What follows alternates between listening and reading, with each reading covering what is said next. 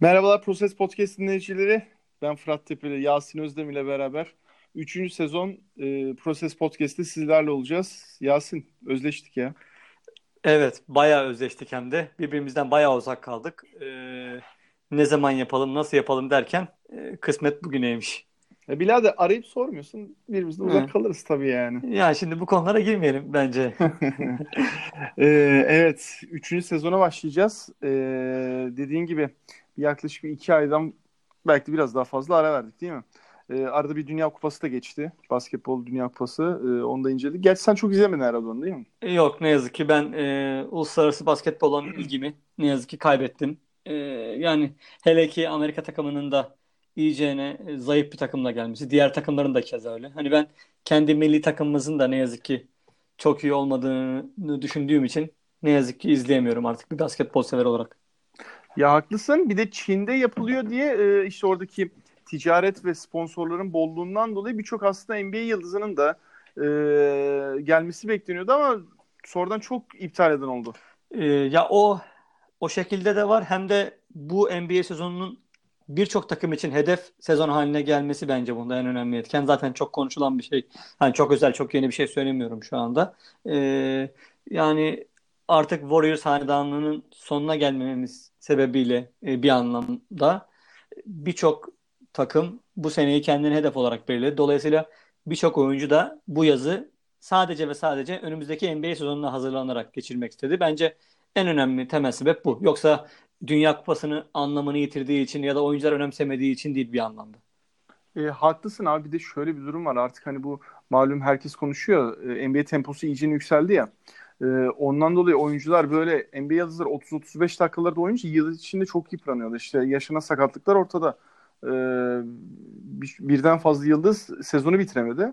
E, ne oluyor? Tabii yazın da bu biraz rehabilitasyon muhabbetiyle geçince e, pas geçtiler. Biraz da öyle bir durum da var. E, dediğin de doğru yani e, şu anda da net bir e, geçtiğimiz 4 yıla oranla net bir şampiyonluk adayı da yok. E, haklısın. E, yani zaten takımları ve grupları sen de podcast'imizin akışından bahsedersin. Konuşmaya başladıkça zaten hani takımların durumundan, risklerinden bahsedeceğiz. Peki, e, şimdi dinleyenlerimize de biraz e, son durumlardan havadis verelim. E, ilk iki sezonu oranla bu sezon daha fazla e, program yapacağız ama programın sürelerini biraz kısacağız. Yani yaklaşık 30-35 dakikalarda her programı tutmak istiyoruz. Yani dinleyenlerin de e, çok fazla sıkmadan e, bu şekilde programları çıkarmaya niyetimiz var. E, bir de Proses Podcast'ı artık ikiye bölüyoruz. E, bir Proses Podcast'imiz var. Bizim iki sezondur yürüttüğümüz, e, sizlerin dinlediği. Bir de Proses Podcast versiyon NBA olacak. Orada artık Philadelphia ve NBA'yi ayıracağız. Yani e, Philadelphia'ya bu kadar fazla ilgi duymayan ama e, bizim podcast'imizi dinleyenler için orada versiyon NBA zaten sadece Sixers dışı e, diğer takımlardan bahsettiğimiz, genel NBA akışından bahsettiğimiz bölümler olacak. Bir de e, Sixers özelinde değerlendirmeler yaptığımız normal klasik proses podcast olacak. Öyle bir ayrıma gittik. E, saygıdeğer Yasin Bey'le. Evet, e, yani uzun zamandır aslında zaten seninle konuştuğumuz, planladığımız bir şeydi ama ikimizin de hayat yoğunluğu sebebiyle acaba altından kalkabilir miyiz e, diye düşündüğümüz bir şeydi. Çünkü yani maçları izlemeden, gündemi takip etmeden açıkçası podcast yapıyorum demek ya da herhangi bir şey takip ediyorum demek çok hoş değil. Ki NBA'de e, 30 takımın birden maçlarını takip edebilmek inanılmaz zor bir şey. Yani bu işin profesyonelleri bile bunu yapamıyorlar. E, öyle söyleyeyim aynı anda mümkün değil. İlla ki onların da bazı sevdiği takımlar var. Daha çok ağırlık verdiği takımlar var. E, ama biz de e, dediğin gibi hem sadece Sixers'tan ibaret olmadığımızı o anlamda diğer tabii ki NBA'de takip ediyoruz severek. E, hem başka tarafımızı da göstermiş olacağız. Bizi e, dinleyen insanlar da artık NBA ile ilgili yorumlarımızı da dinlemiş olacak. Umarım çok güzel olur. Evet yani o versiyon NBA'de dediğim gibi yani genel NBA akışlarından konuşacağız. Çünkü diğer türlü e, hele de konu kaldığımızda e, 1 saat 10 dakikaları 15 dakikaları buluyordu. E, bu da belki e, kısmen dinleyenler için biraz da sıkıcı olabilir. E, biraz daha kısa tutmaya çalışacağız. Tabii ki konuk olduğunda biraz da ister istemez süreler uzayacaktır ama yaklaşık e, 30 dakika civarında e, tutmaya çalışacağız ve e, yeni sezon öncesi de klasik olarak e, konferanslar üzerinden e, ilerleyen takımlar ne yapmış pardon takımlar ne yapmış nasıl geçirmişler yazı ve önümüzdeki sezona dair de klasiktir. E, biraz değerlendirmelerde bulunacağız. Burada Sayın Yasin Özdemir'in karması e, şeklinde başlayacak. Normalde usul Atlantik'tir ama biz Pasifik'ten başlayacağız. E, burada da geçen yılki e, lig sıralamalarına göre hareket edeceğiz ve Golden State Warriors'la başlayacağız. Onlar da NBA finalini görmüşlerdi. Abi Warriors için bayağı aslında karışık bir yazdı ya. Yani Durant'in hele hatta şuradan alıyorum. Toronto serisinden alıyorum. Clay'in Durant'in sakatlığı. E, ardından orada e, şampiyon olamamaları ki mutlak favoriydiler sezon başladığında. Ardından şu e, tam e, trade deadline'ın ortadan kalktığı saatlerde bir anda e, o hani şeyde Twitter'da akışta yağıyordu ya abi. Wojnarowski'ler, Shazam ondan bunlar falan. E, o kısımda da Durant kaybettiler. E, ama yerine D'Angelo Russell aldılar. Biraz e, Golden State konuşarak yavaştan alsın e, yeni sezona da başlayalım. Tabii ki. Ya tabii hani sen Atlantik'ten hep başlama adetinden bahsettin. E, biz zaten bir Sixers podcast'i olarak çoğunlukla başladığımız için e, Atlantik'e bizi dinleyen insanlar da olabildiğince hakim. Hem e, bu sezon en çok e, değişimin yaşandığı e, kon, e, yani gruplardan bir tanesi Pasifik grubu. Dolayısıyla hani buraya önem vermemiz o anlamda güzel. E, çok daha sıkıcı e, gruplar var. Bunu zaten ilerleyen bölümlerde de konuşuruz.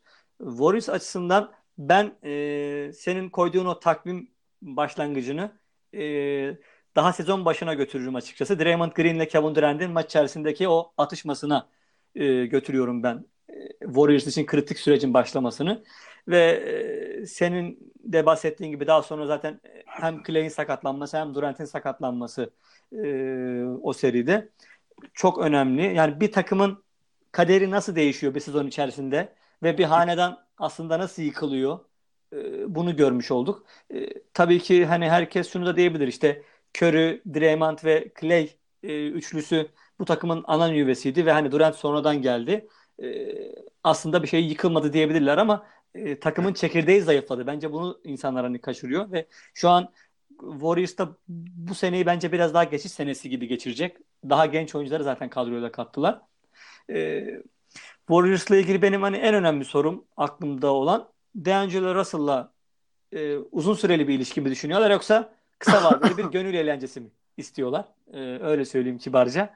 E, dolayısıyla bence onların sezonunu bu e, belirleyecek. Çünkü e, D'Angelo Russell'la ilgili çok güçlü bir şekilde Minnesota Timberwolves dedikoduları vardı.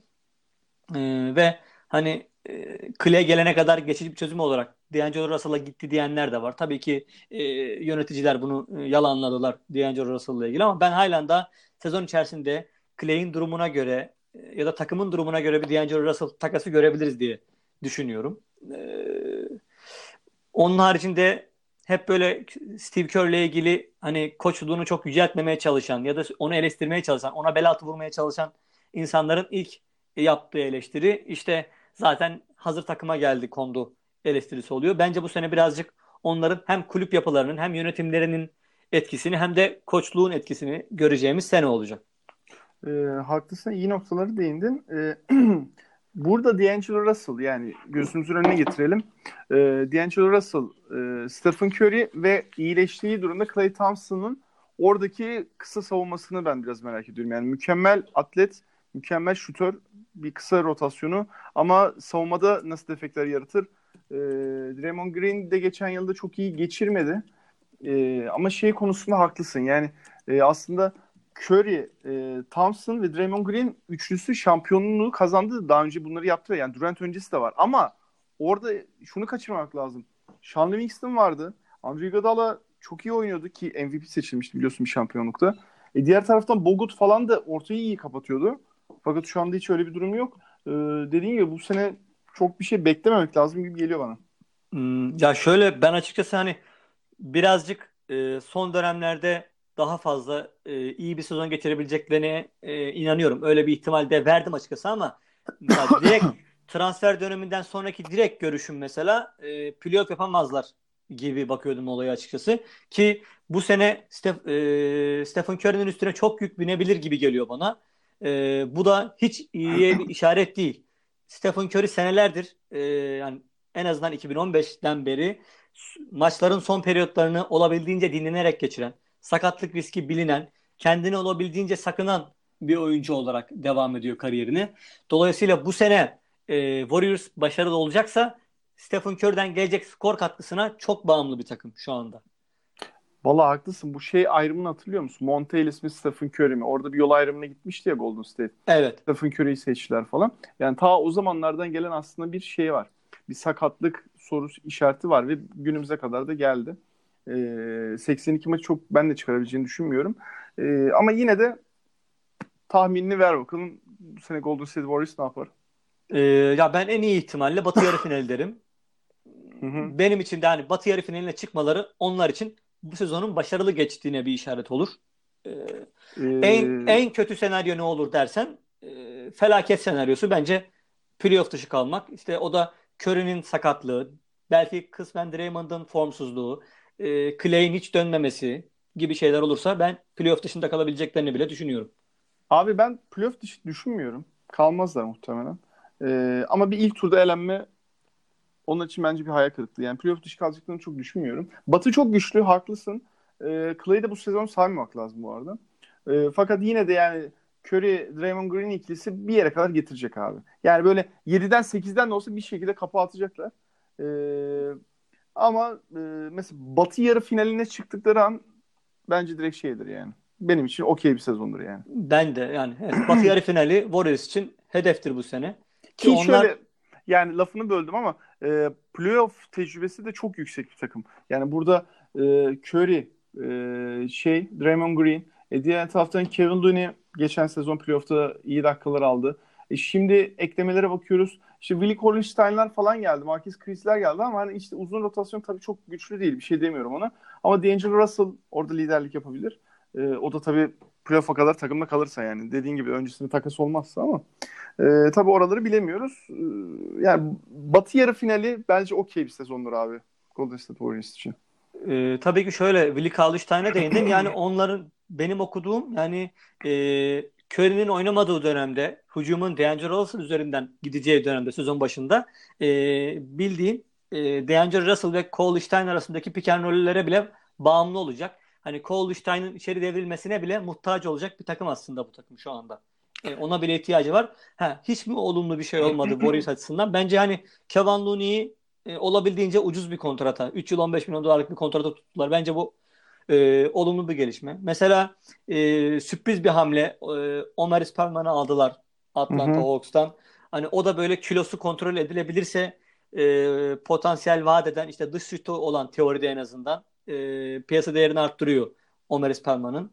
E, o anlamda yani Warriors'ın koç ekibinin tecrübesini falan düşündüğümüz zaman oyunculara e, katkı sunabilecek ve onları geliştirebilecek bir ekip aynı zamanda bu takım. Onun haricinde e, işte Jordan Poole gibi e, 20 yaşında bir e, şütör var. E, geçen yıldan takımda olan Jacob Evans'ı kısmen oyun kurucu falan bile kullanacakları söyleniyor. Dolayısıyla bu tarz gençlerin monte edileceği bir sene aslında. E, benim gördüğüm Warriors'ta bu. Yani e, onlar önümüzdeki seneye sağlıklı girecek olan bir Clay ve yapacakları diğer eklemelerle bu senede bir iki tane genç oyuncuyu takıma monte edebilirlerse ve senin dediğin gibi sonuçta Batı yarı finali görürlerse başarılı bir sezon geçirmiş olacaklar. Aynen öyle ve Clean de e, tam şey böyle e, yüzde yüzüyle döneceğimi ben düşünmüyorum da oynadığı tabii şey e, oyun tarzı da çok problem değil yani. Hani şuta dayalı oynadığından dolayı çok sıkıntı olmayacaktır. E, abi Clippers'a geçiyorum. e, 48-34 ile e, geçen yıl 8. sıradan atlamışlardı hatırlarsın playoff'lara. Ve abi e, şu soruyla geliyorum sana. En iyi off-season geçiren takım diyebilir miyiz? Kuşkusuz tabii ki. Ee, yani özellikle e, şu Kawhi ve e, Paul George aynı anda bir anda e, ortaya bomba gibi bırakarak bu haberle e, bizi şok etmişlerdi. Diğer taraftan Patrick Patterson da geldi e, Oklahoma'dan. O takastı. Paul George takasında. Yani gençlerini elden çıkardılar ama abi direkt tahminimle gireceğim NBA finali ya kafadan. Ee, yani şöyle diyorum. söyleyeyim. Yani Kawhi ve Paul George e, yüzde 80 sağlıklı kalsınlar bu sezon. Dediğin gibi NBA finali yolu çok açık şu anda. E, ama ben sezon başında e, birazcık onların yavaş gideceğini ki şu an Paul George sezon başını zaten kaçıracak direkt olarak bu söyleniyor. E, ben ikisini de olabildiğince 2020'de birazcık daha form tutacaklarını, sezonun ilk birkaç ayını e, biraz daha e, yavaş tempoda geçireceklerini ve bu arada sürpriz mağlubiyetlerin falan gelebileceğini. Yani o kadar güçlü bir e, Clippers sezon başlangıcı beklemiyorum. Mesela Lakers daha bir e, mesaj vermek için daha sezon başına asılabilir gibi geliyor bana ama Clippers onu yapmayacak bence. Benim tahminim. Sen hani en iyi off-season geçiren takım dedin. Bence hani sahada oyuncu olarak aldıklarının yanında e, kulüp olarak lige verdikleri yani imaj değişimi açısından bence onlar çok önemli. İşte e, yeni sezon e, yeni salonlarını tanıttılar. İşte böyle projeleri var. Hatta e, takım sahibi aracılığıyla bir medyaya acaba ismimizi değiştirsek mi e, diye bir fikir sunuldu. Bu bir medyada dolaşıma sokuldu. Acaba medya ne diyor bu konuda? İnsanlar ne düşünüyor? E, dolayısıyla bence imaj olarak onlar hmm, bir adım ileri attılar en başta. Hani o e, şehrin üvey evladı olma e, açısından açıkçası. Yani ki hiçbir zaman Lakers gibi olmayacaklar. Orası ayrı bir şey ama onlar arasından çok önemli bir hamle oldu. Ki insanlar hani ben bir podcast önereyim bu konuda eğer dinleyeceklerse. Bu Donald Sterling döneminden falan Clippers'ı e, takip edenler varsa e, ESPN'in 30 for 30 diye bir podcast'i var. Orada e, ESPN yazarı Ramona Shelburne direkt e, Donald e, Sterling ile ilgili özel bölümleri e, bölümler yaptı açıkçası. Bayağı da uzun süredir bunu çalışıyormuş. Hani Clippers'ı biraz daha yakından takip etmek isteyen insanlar e, onu dinleyebilirler açıkçası. E, onun haricinde takımla ilgili diyebileceğim işte hala daha sen biraz daha gençleri kaybettiler dedin ama hani iyi kötü yine Lander Shamit'ları var bizim hani benim çok sevdiğim bir oyuncu hı hı. zaten dolayısıyla hani e, Jamal Green gibi Mo Harkless gibi iyi rol oyuncuları var o anlamda hani çok sorun yaratmadan rolünü bilecek. E, Montrezl Harrell ve Lou Williams ikilisi var. Yani bench olarak bence yine iyi bir takım. Bu takım için tek şey sağlık bence.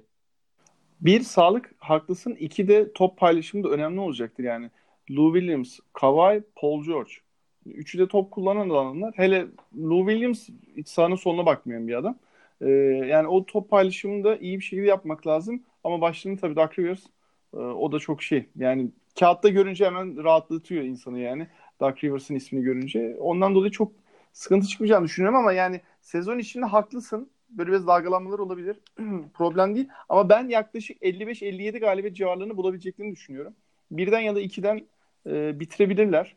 E, ama dediğim gibi e, onlar için hayal kırıklığını ben Batı yarı finali dedim abi.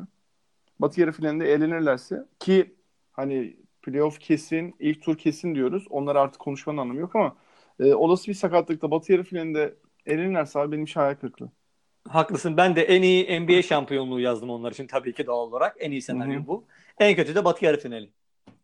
Ee, peki Kings'e devam edeceğiz abi. Geçen yıl 9. bitirmişlerdi ve son anda playoff'tan e, kaçırmışlardı. 39-43 ile bitirmişti Sacramento Kings. Yani onların için biraz şey sakin bir off season olmuştu hatırlarsın e, çok böyle e, efektif büyük bir ekleme yapmadılar ama onlar tabii genç nüveyi biraz şey yetiştirmeye çalışıyorlar.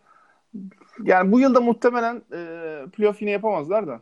Yani böyle yine son anda belki zorlayabilirler. Geçen yılı hatırlarsın. E, çok iyi uyum sağlamıştı takım. E, falan ama çok bir devamlı olacağını düşünmüyorum. İşte Mervin Bagley'nin ne kadar gelişim göstereceği önemli. E, Bogdan Bogdanovic'in geçen yılı hatırlarsın ligin e, ilk başta sakat girmişti. Sonradan e, rotasyona girmişti. Yani bence iki oyuncu. Marvin Bagley, De'Aaron Fox e, bunların olabildiğince daha da geliştirmeleri e, bence bu sezonda yine o şekilde geçecektir. Hmm, haklısın. Yani ki onların bence çıtasını De'Aaron Fox'un gelişimi belirleyecek. E, evet. Ee, bu yaz onlar ne yaptı dersen aslında biraz e, tabii yeni koçları hemen Luke Walton açıkçası sezon bitiminde hemen onlara geldiği için Lakers'tan kovulur kovulmaz neredeyse. Ee, onlar biraz Luke Walton'un bu yaz adli meseleleriyle uğraştılar. Onunla ilgili cinsel taciz iddiaları falan vardı ki Aynen. E, benim takip edebildiğim kadarıyla adli olarak hani aklandı gibi ama devam eden bir süreçte olabilir. Tam onu mahkeme sürecini bilmiyorum ama ilk başta aklandığı ile ilgili şeyler okumuştum ben. Ee, ne yaptılar aslında onlar? Rol oyuncularına birazcık fazla para vererek açıkçası e, daha geniş bir kadro kurdular. Mesela işte Corey Joseph'e 3 yıl 37 milyon dolar verdiler. Trevor Arize'ye 2 yıl 25 milyon dolar verdiler. Harrison Barnes'a 4 yıl 85 milyon dolar verdiler. Çekirdeklerini koruyarak daha geniş bir kadro olmaya e, yolunu seçtiler. E, olabildiğince biraz daha uzun işte hani Harrison Barnes nedir bizim tipik olarak bildiğimiz e, pozisyonuna göre uzun, e, kısmen kuvvetli bir e, forvet. E, Trevor Ariza zaten onların ligdeki temsilcisi neredeyse. E, dolayısıyla bu tarz hamleler yaptılar. Biraz daha belki işte e, o kendi gruplarındaki rakipleri gibi yani tam rakip rakip sayılabilir mi bilmiyorum tabii Clippers ve Lakers onlar için ama e, olası işte LeBron savunucularını, olası Kawhi Leonard ve Paul George savunucularını biraz daha takımlarına katmaya çalıştılar açıkçası. Onun haricinde e, biraz böyle NBA e, ineklerinin diyeyim biraz çok yakından takip eden insanların çok sevdiği Dwayne Dedman'ı bence sürpriz olarak kadrolarına kattılar. Büyük ihtimalle en fazla parayı Kings verdi ve Dwayne Dedman e, 3 yıl 40 milyon dolar karşılığında e, Kings'e transfer oldu. Yani Willie Cauley-Stein'den çok daha e, istikrarlı bir katkı e, verecektir. E, geçen yıl iyi kötü %38'de üçlük atan bir pivottan bahsediyoruz. E, Sixers'tan tanıdığımız Sterisan Richard Holmes hamlesi geldi. Ve e, Sixers'ın e, gözlemcisi ve işte oyuncu gelişiminden sorumlu koçlarından biri olan Lindsey Harding vardı WNBA oyuncusu eski. Onu asistan koç olarak takıma kattılar. E, bu sene biraz birçok takımda e, kadın yardımcı antrenör e, hamlesi gördük. Cleveland'da var, Boston Celtics'te var. E, şu an ilk aklıma gelenler. Biraz daha çünkü geçtiğimiz yıl Adam Silver yani kadın istihdamı ile ilgili NBA'de takımları zaten hani teşvik edici açıklamalar yapmıştı. E, takımlar da bu yönde birçok hamle yaptılar. Ee, abi haklısın zaten ben de sen değindin. Ee, notlarıma en yukarı yazmışım Dwayne Dedman konusunu. Ee, ben Sixers'a çok istemiştim yani. Boba'nın aldığı rolü e, bir tık daha üstüne koyarak aslında bir katkı verebilirdi. Yani öyle maçta yaklaşık işte 15-20 dakikalarda e, kenardan gelerek e, ortayı da kapatıp dediğin gibi spacing e, açımı da yapabilecek bir uzundu ama tabii o kadar bir salary cap olmadığı için salary cap kimde vardı? Sacramento Kings'te vardı ve dediğin gibi yani en yüksek parayı o verdiği için ama şeyi hatırla e, off season başlangıcında bu ilk e, free agent piyasası e, başladığında bir program yapmıştık ve orada ben Harrison Barnes'ın 4 yıllık kontratına bayağı gömmüştüm. E, hala aynı fikirdeyim. Sağ olsun Harrison Barnes da geçmiş yıllarında hiç bu düşüncemi değiştirebilecek bir şey yapmadı. Yani tamam ölü yatırım abi. Hiç düşünmüyorum yani. Ee, De'Aaron Fox ve Marvin Bagley'nin eline bakacaklar yani. Ki Bogdan da bu arada şeyi çok iyi geçirdi. Ee, Dünya Kupası'nı. Hı hı. Bayağı iyi geçirdi. Biliyorsun en iyi 5'e de seçilmiştim. Ee, o e, kısımlar iyi dediğin gibi yani biraz yanları doldurdun. Yani Dwayne Dedman, Trevor Ariza, Rashad Holmes, Corey Joseph ki Corey Joseph çok iyi hamle bu arada. Çok iyi bir eklemi. Ee, onlar tahmin olarak bence playoff yapmazlar diye düşünüyorum. Sen ne düşünüyorsun? Ya ben en iyi ihtimalle playoff'a kalabilirler 8. olarak diye düşünüyorum açıkçası. İşte olası sakatlıklar e, vesaire hani o potansiyeli var mı bence bu takımın? Var. Hani 8. olabilirler mi? Evet. E, bence 8 ile 12 arası bir yerde gidip gelecekler. E, bence 8'i göremeyecekler abi. Çünkü Batı iyice güçlendi. Geçen yıl 9'da kalmışlardı. Tabii ki oyuncu gelişimi var. Takım birbirine daha çok alıştı. Onlara bir şey demiyorum ama e, bu sefer yani geçen yıl olmadığı durumda bu sene hiç olmaz. Çünkü e, konferans çok güçlendi abi. E, ondan dolayı ben çok düşünmüyorum. Ya düşün Clippers'la şimdi 4 maç yapacaklar. Lakers'la 4 maç yapacaklar. Öyle hesap et yani. Geçen yılki Lakers'ın ikinci yarısını biliyorsun. Rezaletti rezaletti. Hayal kırıklığı da benim için şu olur. E, gençlerin yeterli gelişimi gösterememesi yani. Özellikle saydığım iki oyuncunun üzerine bütün takım inşa edilmiş durumda. Hani bunların e, yani tıkanması biraz da gelişim gösterememesi olarak ben hayal kırıklığı olarak düşünüyorum.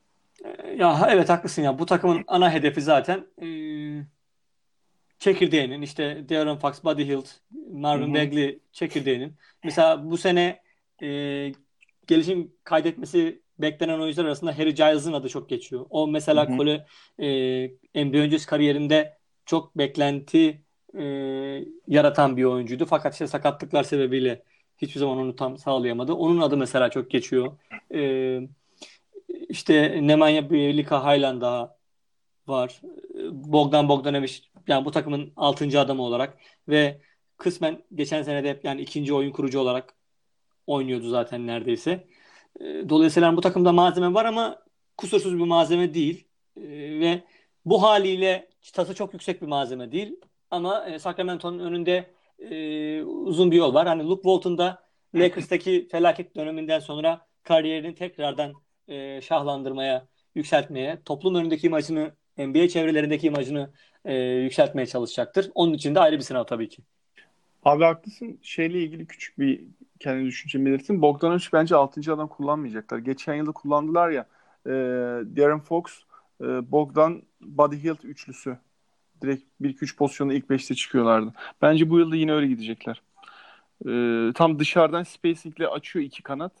E, şeyde alan kalıyor Darren Fox'a. Ee, yani olabilir. Ben mesela o zaman sen peki pivotta kim oynatırlar diyorsun direkt ilk 5 olarak? Yani Marvin Bagley pivot mu oynayacak? Evet, Çünkü o zaman evet. e, yani direkt olarak 5 numara Marvin Bagley, 4 numara Harrison Barnes o zaman kısa beşli. Gibi aynı abi Hı. zaten hareketli ya. Yani Harrison Barnes 4 numara rahat savunuyor. Hı. E, diğer taraftan Marvin Bagley de 5 için gayet hızlı. Hani Ki- atletik 5'te çıkarlar yani. Ki 5 numaraya bence daha uygun Marvin Bagley yani bir power forward'den. Evet, ben de aynı fikirdeyim. Peki e, abi Los Angeles Lakers. Geçen sene aslında bayağı konuştuk. Malum LeBron geldi, şudur budur falan. Yani çok malzeme de vardı ortada da. E, sağ olsunlar yine malzeme vermeye çok devam ettiler. E, off season'ın devamında e, beklenen takası da yaptılar. Anthony Davis'i aldılar. Yerine de bütün geleceklerini verdiler. E, Lonzo Ball'dan tut Ingram'a e, meşhur Josh Hart'a kadar herkesi verdiler. Abi takas bence hiç tartışılacak bir konu yok. Ee, şeyi de genel olarak konuşursak off season nasıl geçirdikleri. Nereden baktığına bağlı. Bak iki görüş var. bir sonuçta Anthony Davis'i almışsın. Bu yazı iyi geçirdiğini işarettir. İki de abi Kawhi Leonard'ı alamadım. Ve imajını bence yerli bir ederek. Yani Clippers kendine ne kadar e, onere ettiyse bu yaz yaptığı hamlelerle sen o kadar kendini dibe batırdın aslında. E, çünkü Anthony Davis takası neredeyse tehditvari bir süreçle oldu. Oyuncu ben kulübümde oynamayacağım dedi. Menajeri başka bir açıklama yaptı. Yani süreç olabildiğince çirkin e, oldu ve olabildiğince çirkin bir şekilde e, Lakers hamlesini yapabildi. Haklısın Dolay- bir de şöyle bir şey var abi. Yani e, bardağın dolu tarafına bakacaksın, boş tarafına bakacaksın. Şimdi dolu tarafına baksan Anthony Davis aldı diyorsun. Boş tarafına bakınca e, ama Kawhi Leonard'ı kaçırdı. Bundan dolayı son anda e, verilmemesi gereken paraları verilmesi gereken oyunculara verdin diyorsun. Ama süreci baştan sona aldığında Anthony Davis takası da çok çirkin yönetildi. Kawhi Leonard'ı alamamaları da çok şey yani komedi malzemesi oldu. Bir de Clippers'a gitti iyice ne yani. Evet direkt olarak e, şehirdeki ana rakibini size çok büyük bir belki tarihin en önemli gollerinden e, birini atmış oldu size. E, onun haricinde e, Frank Vogel'ın varlığı tartışıldı. Jason Kidd meselesi onların ilişkisi bu sene ne olacak? Jason Kidd'in her gittiği yerde New Jersey Nets'te vesaire Brooklyn Nets'te antrenörken Milwaukee Bucks'ta e, yaptığı böyle e, güç sergileme, e, pozisyon alma, e, ayak kaydırma hamleleri çok bilinir. Dolayısıyla ha, Frank Vogel'da hani olabildiğince ben ne olacağını biliyorum. Hmm, Yani tabii ki Jason Kidd de e, bir e, head coach olmak istiyor bu ligde gibi açıklamalar yaptı. Yani bir yardımcı antrenör tabii ki head coach olmak isteyecek gibi açıklamalar yaptı. Hani çok uyumlu çalışıyoruz gibi ama Jason Kidd ne kadar rahat duracaktır. Orası ayrı. Ha belki LeBron'un varlığı Jason Kidd'i birazcık e, orada bastırabilir. O tarz hamleler yapmasına. Dwight Howard hamlesi bence açıkçası ben gereksiz bir hamle olduğunu düşünüyorum. Yani ben bu ortama Dwight Howard'ı sokmazdım. Hmm, Anthony Davis takasında e, haklı olarak verdikleri e, değerli genç parçaları sebebiyle e, rezalet olan yan parçaları bence daha da zayıfladı. Mesela işte bir tek orada Danny Green'i kısmen istikrarlı katkı verebilir diyoruz ama Avery Bradley mesela bence iki yıldır kendi seviyesinin bu kadar altında daha fazla oynayan bir oyuncu ben hatırlamıyorum. Yani rezalet iki yıl geçi- geçirdi. Ee, genelde hani takdir edilen bir oyuncu olmasına rağmen çok formsuzdu iki yıl. Mesela bu yıl Lakers'ta ne yapacak soru işareti. İşte Quinn Cook ve Troy Daniels gibi hani çok kısıtlı rol oyuncularını aldılar ki onlar şut katkısı bekliyorlar ondan. İşte Jared Dudley gibi bir soyunma odası figürü aldılar açıkçası öyle söyleyeyim. Ee, dolayısıyla çok iyi bir takım değil aslında bu takım ama tabii ki Anthony Davis ve LeBron James'i terazinin bir tarafına koyduğunuz zaman da çok büyük bir ağırlık yapıyor. Onun haricinde Demarcus Cousins'ın e, sakatlanması da onlar için ayrı bir hayal kırıklığı oldu. Valla her şey değindin. Ee, ilk 5'te tahminimce sen de fikrini söyle lütfen. Ee, abi Rondo, Danny Green, LeBron, ee, Kuzma belki Kuzma'yı bench'ten getirebilirler bu arada. Ondan emin değilim ama Ki Kuzma o da şu an sakatlandı e, en son aldığımız haberlere göre galiba benim bildiğim kadarıyla. Hmm. Ve Anthony Davis demiştim ben. Ee, belki Kuzma evet bench'ten gelebilir ya. Ondan eminim. Çünkü takım çok uzun oluyor o zaman. Ya İyice uzuyor yani. şöyle işte LeBron'un tekrardan mesela oyun kurucu olacağı falan e, konuşulduğu için mesela belki o tarz daha fazla mesela LeBron'a oyun kuruculuk görevi verilebilir. En azından ikinci beşte öyle bir şey düşünüyor olabilirler. Bilemiyorum nasıl bir e, planlama e, yapacaklar. Belki işte kısmen preseason maçlarında, sezon öncesi maçlarda bunu e, görebiliriz. Dolayısıyla hani Kuzma bence ilk beşte başlayabilir Anthony Davis'le beraber. Dediğin gibi o zaman onlar da baya böyle hani Philadelphia benzeri bir fizikli takıma doğru giderler öyle söyleyeyim. Ya onlar da işte şey kısa savunması nasıl yapacaktır öyle bir durumda? Yani Böyle bir Ro- handikap oluşuyor yani. Ya Danny Green ama hani herhalde ligin ortalama üstü kısa savunmacılarından biri. Bunu herhalde kabul ederiz. O da tabii ki artık 30, 32 yaşına Yaştan geldi. da dolu. Aynen yaş da var abi. Yani e, orada biraz pırpır dediğimiz bizim Türk basketbol şeyinde var ya. Hı hı. Pırpır tipli guardlara karşı bilmiyorum nasıl olacak ama evet bize çok fazla şey malzemesi de verdiler. Magazin malzemesi de verdiler ama tabii e, Kawhi'nin Paul George ikilisini de e, koyup söylüyorum bunu. LeBron Anthony Davis şu anda ligde en uyumlu iki oyuncu. Haklısın yani yapamayacakları iş yok öyle söyleyeyim. Yok abi aynen. Bir de yani dediğin gibi yani sağlık birinci şey kriter. Sağlıklı olduklarını varsayarsak abi benim tahminim bu işin top noktası demiyorum. Tahminim Batı yarı finalini görürler. Oradan sonra kalır. Ee, ben hani onların da yine bu kadrolarına rağmen bile NBA şampiyonu olabileceğini düşünüyorum. Açıkçası hani Clippers'la birlikte. Yani Hmm. onlar da hani ben Lakers da NBA şampiyonu olursa bu sene şaşırmam açıkçası. Ee, öyle söyleyeyim. Ee, hani en kötü de bence işte bu takım riskli bir takım olduğu için ben mesela playoff birinci tur- turunda bile elenirseler ona bile şaşırmam. Yani Ben biraz hayal kırıklığına birinci tur dedim. aynen ben de hayal kırıklığına birinci tur en iyi senaryoda NBA şampiyonluğu onlar için. Yani bu kadroya rağmen sırf LeBron ve Anthony Davis'le bile e, yürüyebilirler. Yani onların tabii ki geçirecekleri sezona bağlı. Belki sezon içerisinde başka hamleler bile gelebilir. E, onları görmek lazım. Abi LeBron 17. sezon oldu ya. E, Vallahi bir gözümüzde büyüdü evladım ya. Aynen aynen. Yani saygıyla e, Yani o kendisini tebrik ediyoruz öyle söyleyeyim bundan yani. dolayı e, tabii ki adam yaklaşık 1,5-2 milyon dolar sadece sağlığını harcıyor. Okey ama e, yine de hani sezonda 82 maç zaten çıkarmayacaktır. Dinlenme olacaktır ama Anthony Davis'in sağlığı da çok böyle şey. E, tel maşa yani. Evet yani o da e, neredeyse hiçbir sezon full geçirmedi. Dolayısıyla onun da ya ben ikisini de neredeyse şöyle söyleyeyim. Ben 68'er maç oynarlar diyorum. Maksimum oynasalar ikisi de. Ya bir kaçıracakları kafadan bir 10 maç her ikisinin de var bence. O evet o maç var ama senin gibi böyle yani tam küsuratlı net bir tahlil yapamayacağım ama e, evet doğru diyorsun. Onlar maç kafadan kaçırırlarsa hatta dinlendirme şeklinde bile oynamakları olacak. E, Suns'a geçelim abi. Suns'a geçelim. Çok konuşacak da bir şeyimiz yok ama Suns'ın e, hala kafama oturmadı. TJ Warren'ı neden elden çıkardıklarından dair hiç fikrim yok. Yani onu benim okuduğum şöyle açıklıyorlar. Yani bu takımda bir gereksiz e, 2-3 numara kanat yoğunluğu vardı. Dolayısıyla belki orada bazı disiplinsiz davranışlar, takım içi dengeler e, bunlar da mevzu bahis olabilir ama resmi açıklamalar daha çok 2-3 numara e, rotasyonunu daraltarak takımın işte eksik olduğu 4 numara ve e, oyun kurucu pozisyonlarını e, genişletmeye, o rotasyonları e, doldurmaya çalıştılar. Mesela Josh Jackson'dan artık vazgeçtiler. Direkt Memphis'e gönderdiler ki o sezona G League'de başlayacakmış. Memphis tarafından da e, geçen hafta öyle bir açıklama gelmişti. E, ne yaptılar orada? İşte Kelly Oubre ile anlaştılar ve artık hani bizim kanatlarımız işte Oubre ve Sixers'ın takas ettiği oyuncu neydi şu an bak aklı, adı aklıma gelmiyor. E, bilemedim. Michael, Michael Bridges direkt olarak. Ha, Mi- Michael Bridges evet. Dolayısıyla hani ona ağırlık verecekler. E, Dario Minnesota'ya hiç ayak uyduramayan, geçen sezonu Sixers'ta da kötü başlayan işte Dario Saric'i kattılar e, bir yandan. Dolayısıyla e, oyun kurucu olarak Ricky Rubio'yu aldılar.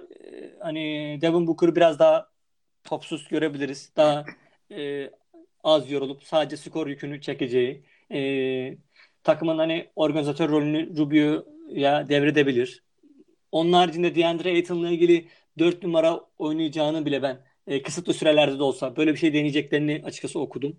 E, dolayısıyla onlar için deney senesi. Birazcık hani e, bu thinking outside the box dedikleri e, Anglo-Saksonların kavram var işte. Birazcık ellerindeki malzemelerden çeşitli formüllerle başka bir şey yaratmaya çalışacaklar. İşte koç olarak Monty Williams'ı getirdiler. O bence biraz açıkçası hani Sixers'tan gelmesine rağmen bunu açık, açıklıkla söylüyorum. Biraz overrated bir e, isim oldu. Böyle Lakers'la görüştü, onunla görüştü, bununla görüştü derken biraz bence e, kıtlıktan diyeyim e, biraz fazla ön plana çıkartıldı. Yani sanki e, Pelicans kariyeri falan çok iyiymiş gibi açıkçası. Hani biz ona başka açılardan çok örnek alsak da çok sevsek de e, ama çok iyi bir koç mudur derseniz orası soru işareti bence. E, onun haricinde takım sahibi zaten senelerdir ligin en kötülerinden. Onların daha büyük yapısal problemleri var. İşte James Jones gibi e, tecrübesiz bir yöneticileri vardı onların. E, bence NBA'de hani vasatlığın temsilcisi olarak gördüğüm benim Jeff Boover var yönetici. Onu getirdiler onun altında mesela çalışsın diye. E, yani bence Suns'ın geleceği karanlık yani öyle söyleyeyim. Ben pek umutlu değilim Suns'tan.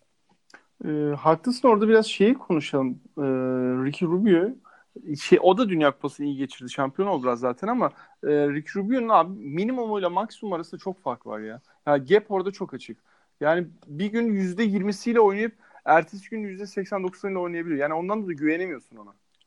E, e, burada da şimdi zaten guard arıyorlardı. Yani biraz ondan dolayı koştular mecburen ona ama e, yani sezon için yine dalgalı kuru gidebilir.